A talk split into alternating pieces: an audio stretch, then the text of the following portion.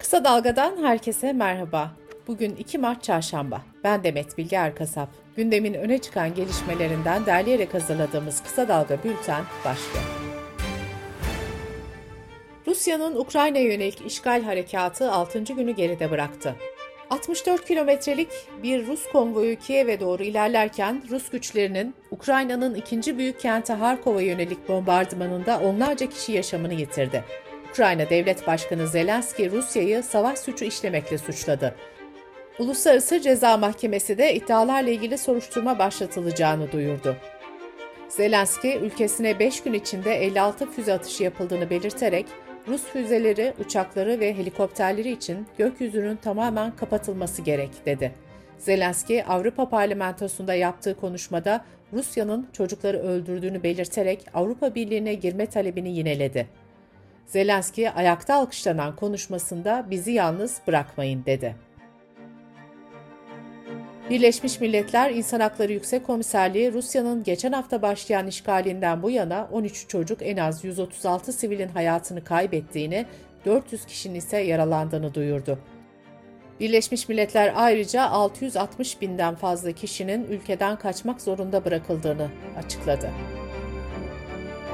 Rusya Dışişleri Bakanı Lavrov, Batı'nın eski Sovyet ülkelerinin topraklarında askeri tesisler kurmaktan vazgeçmesi gerektiğini söyledi. Bazı Avrupa ülkelerinin topraklarında ABD'nin nükleer silahlarının bulunmasının Rusya için kabul edilemez olduğunu belirten Lavrov, bu silahların ABD'ye dönmesinin zamanı çoktan geldi ifadesini kullandı. Rusya Savunma Bakanı Shoigu, Rusya'nın Ukrayna'yı işgal etmediğini, Ukrayna'daki sivillerin canlarının ve güvenliklerinin korunması için gereken her şeyi yaptıklarını savundu. Shoigu, belirlenen amaçlara ulaşılana kadar Rusya güçlerinin Ukrayna'daki operasyona devam edeceklerini de belirtti. Putin'in sözcüsü Dimitri Peşkov da yaptığı açıklamada Batı'nın yaptırımlarının Rusya'nın Ukrayna konusundaki tutumunu asla değiştirmeyeceğini vurguladı. NATO Genel Sekreteri Stoltenberg, Ukrayna'yı işgale başlayan Putin'in Avrupa'da barışı yok ettiğini belirterek ittifakın toprağının her karışını savunacağını tekrarladı. Rusya'nın Ukrayna saldırısıyla dikkatler savaşın gidişatı kadar Türk boğazları üzerinden Karadeniz'e gemi geçişlerini düzenleyen Montreux Boğazlar Sözleşmesi'ne de çevrilmiş durumda. Dışişleri Bakanı Mevlüt Çavuşoğlu konuyla ilgili şu açıklamayı yaptı. Kıyıdaş olan olmayan bütün ülkeleri boğazlardan savaş gemisi geçirmemesi konusunda uyardık. Bugüne kadar boğazlardan herhangi bir geçiş ve geçiş talebi olmadı. Milli Savunma Bakanı Hulusi Akar da Montreux Sözleşmesi'ni uygulamayı sürdüreceklerini belirterek Montreux'un aşındırılması ve statikonun bozulmasının kimseye yarar sağlamayacağı uyarısı yaptı. CHP Genel Başkanı Kemal Kılıçdaroğlu partisinin grup toplantısında iktidarın Ukrayna'ya yönelik Rusya saldırısı sonrası tutumunu eleştirdi. Rusya'nın askeri müdahalesinin ardından Cumhurbaşkanı Erdoğan başkanlığında güvenlik zirvesi yapıldığını anımsatan Kılıçdaroğlu şöyle konuştu. Eğer zirve devletin bir zirvesi ise bu MGK olmalı. Ama siz bu kurumu kenara bırakıp bir paralel yapı inşa ediyorsanız ciddi bir sorun var. Güvenlik zirvesi parti zirvesi midir, Türkiye Cumhuriyeti'nin zirvesi midir? Devletin bu kadar çürüdüğünü, ayaklar altına alındığını ilk kez görüyorum. MGK toplansaydı herkes gerçekleri öğrenebilir miydi? Öğrenirdi. AKP Grup Başkan Vekili Cahit Özkan ise Dışişleri Bakanı Mevlüt Çavuşoğlu'nun ilk fırsatta mecliste milletvekillerini bilgilendireceğini belirtti. Sosyal medya paylaşım platformu Twitter, Sputnik çalışanlarının şahsi hesaplarına Rusya devletine bağlı medya etiketi ekledi. Birçok gazeteci bunu fişleme olarak değerlendirdi ve tepki gösterdi. Disk Basın İş şu açıklamayı yaptı.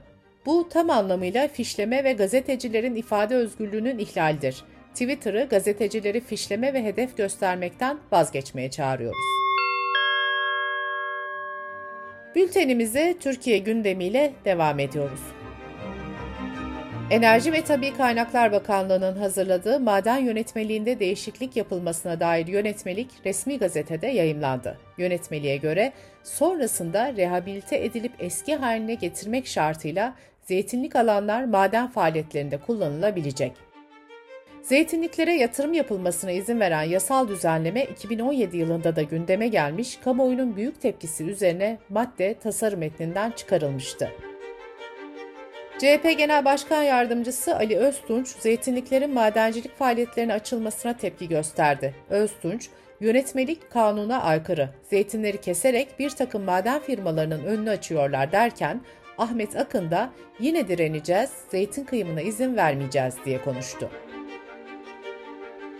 Cumhurbaşkanlığı adaylığı tartışmaları sürerken HDP'den önemli bir açıklama geldi. Kısa Dalga yayın yönetmeni Kemal Göktaş'ın Artı TV'deki programına katılan HDP Grup Başkan Vekili Meral Danış Beştaş, ne kadar önemli bir şey söylediğimin farkındayım diyerek ilkelerimizi karşılayacak bir aday olmazsa kendi adayımızı çıkarabiliriz ifadesini kullandı.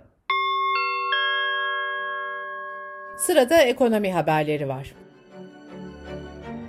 BOTAŞ, Mart ayından itibaren geçerli olacak şekilde doğalgazın elektrik üretim amaçlı kullanımına %18.25 zam yaptı. Mesken ve sanayi abonelerinin tarifeleri ise sabit kaldı. Enerji Piyasası Düzenleme Kurumu elektrik tarifesine ilişkin yeni bir açıklama yaptı. Kurumun açıklamasında şöyle denildi.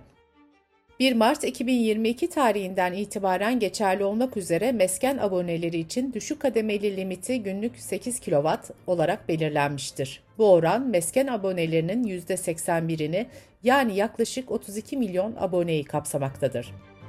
Kurumun açıklamasına göre dernek ve vakıf merkezleri ile bunların şubeleri, cemevleri, köylerde içme suyu temini ve dağıtımı amaçlı kullanılan tesisler mesken abone grubu kapsamına alındı. Türkiye İstatistik Kurumu'nun Perşembe günü açıklayacağı Türkiye'nin Şubat enflasyonu öncesinde önemli göstergelerden biri olan İstanbul enflasyonu belli oldu. İstanbul'da perakende fiyatlar aylık bazda %4.44 artış kaydederken yıllık artış %55.32'ye ulaştı. Fiyat artışı 20 yılın zirvesine çıktı. Tüketiciyi yanıltan indirimlerin önüne geçmek için etiketlerde artık iki fiyat olacak. Ürünün son 30 gün içindeki en düşük fiyatı ile güncel satış fiyatı. İndirim oranında son bir aydaki en düşük fiyat baz alınacak. İndirimli sebze ve meyvelerde ise bir önceki günün fiyatı yer alacak. Uluslararası Kredi Derecelendirme Kuruluşu Fitch Ratings, küresel enflasyondaki hızlanmanın yaygın ve kalıcı olduğunu bildirdi. Rusya'nın Ukrayna'yı işgaliyle petroldeki sert yükseliş sonrası ABD'nin stratejik petrol rezervlerini kullanmayı değerlendirdiğine dair söylentiye rağmen petrol fiyatları yükselişini sürdürdü. ABD tipi ham petrolün varil fiyatı 101 doları aşarak 7 yılın zirvesine çıktı. Covid-19 gelişmeleriyle kısa dalga bültene devam ediyoruz. Koronavirüsün omikron varyantı bütün dünyada pik yaptıktan sonra vaka sayıları hızla düşmeye başlamıştı. Ülkelerde buna göre önlemleri gevşetti.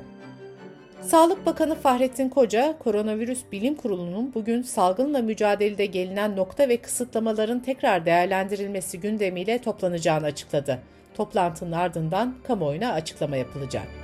Bilim Kurulu üyesi Profesör Doktor Alper Şener, Türkiye'nin üç büyük kentinde vaka sayılarının düşmesinin salgının kontrol altına alınmaya başladığının sinyali olabileceğini söyledi. Şener şöyle konuştu. Özellikle Mart ayının ikinci haftasında hızlı düşüş göreceğiz. Omikron varyantı Türkiye'de yaptığı pikten sonra artık çözülme periyoduna girdi diyebiliriz. Artık kaybolmaya da yavaş yavaş başlayacaktır. Milli Eğitim Bakanı Mahmut Özer, eğitim sistemindeki 1 milyon 200 bin öğretmenin hemen hemen tamamının en az 2 doz aşısını tamamladığını belirtti. Bakan Özer, onun için kararlı bir şekilde bu dönemi de yüz yüze eğitimde tutarak nihayetlendireceğiz dedi. Bültenimizi kısa dalgadan bir öneriyle bitiriyoruz.